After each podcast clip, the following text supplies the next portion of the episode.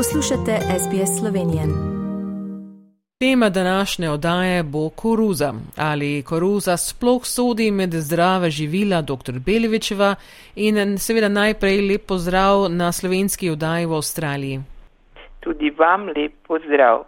Koruza, kot tudi druga rastlinska živila, je lahko del zdrave, uravnotežene in pestre prehrane. Seveda je odvisno, kaj dodajamo jedim, jedem iz koruze in koliko je zaužijemo. Uživamo jo kot zelenjavo ali pa izdelke, kot so moka, zdrob in podobno. Kakšne pa so ohranilne lastnosti koruze? Tako kot druge vrste žit je tudi koruza bogata z oglikovimi hidrati, torej škrobom, predvsem pa tudi vsebuje sladkorje. Glede na sorto koruze se razmerje med škrobom in sladkorji spreminja. Tako naprimer sladka koruza ima manjši delež škroba in večji delež eh, sladkorja kot ostale sorte. Naj takoj omenim, da koruza ima nižji glikemični indeks, torej postopoma dviguje krvni sladkor. Glikemični indeks je nekjer 50-60, to je še dokaj dobro. Koruza je zelo dober vir vitamina, recimo vitamina B12 in je dober vir številnih drugih vitaminov in mineralov, vključno z drugimi vitamini B kompleksa. Vsebuje tudi minerale, kot so fosfor, kali, magnezij, mangan, baker in pa cink. Zaradi bogatstva prehranskih vlaknin je to živilo še posebej dragoceno. Ne smemo prezreti antioksidante, kot so beta-karoten, lutein in zeaksantin.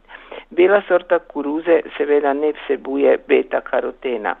Koruzi pa vseeno primankuje dveh esencialnih aminokislin, tako imenovanega lizina in triptofana.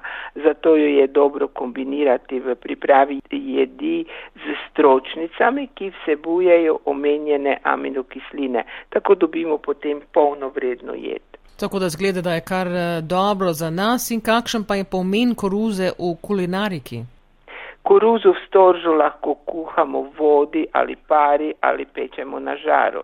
Ali pa kuhana zrna dodamo v enolončnice, prikuhe, priloge, celo jih lahko dodamo palačinkam, polenti, solatam in podobno. Iz koruznega zdroba naredimo odlično polento, narazke in podobno. Iz koruzne moke pa seveda različne jedi od palačink, kruha, peciva, biskvitov in še bi lahko naštevala. Lahko rečemo, da je koruza vsestransko uporabna v vsakdanji prehrani. Zanima me, kako pripravimo recimo palačinke z dodatkom zrn koruze. No, jed je eh, zanimiva in enostavna. Naredimo testo za palačinke kot navadno. Jaz eh, običajno dodam še kakšno žlico koruzne moke in malo pecilnega praška. Ko dobim primerne gostote testo, dodam dobro ocejena zrna kuhane mlade koruze in potem spečem take nekoliko debelejše palačinke lahko jih nadenemo slanimi ali sladkimi nadevi, še posebej jih bodo veseli najmlajši. Pred oddajo pa ste tudi omenili, da ste pred kratkim na nacionalni konferenci o preventivi odraslih imeli delavnico, na katere ste eh, kot izvajalko povabili tudi profesionalno kuharico. Pripravila je eno lončnico suho koruze, nam pa lahko mogoče malo poveste več o tem. No ja, to je bila pred nekaj dnevi zelo zanimiva delavnica, katere izvajalki so bili zdravnica in profesionalna kuharica Emilija Pavlič. Gospa Emilija nam je eh, podala veliko kuharskih nasvetov, pripravila je več jedi, katere smo tudi poskušali. Med jedmi je bila zanimiva hladna enolončnica, za katero je uporabila suha zrna koruze. Poučila nas je, da koruzo namakamo skozi noč eh, v hladilniku in jo potem skuhamo. Jed je tudi zaradi take priprave koruze bila uh, zelo okusna, pa še pocenije. Tako da je navdušila uh, prisotne na delavnici. No, tako da se sliši seveda lepo. Kakšen recept ste nam danes pripravili, ki verjetno tudi seveda vsebuje koruzo? No, tokrat sem se odločila za zelenjavno juhu s koruzo.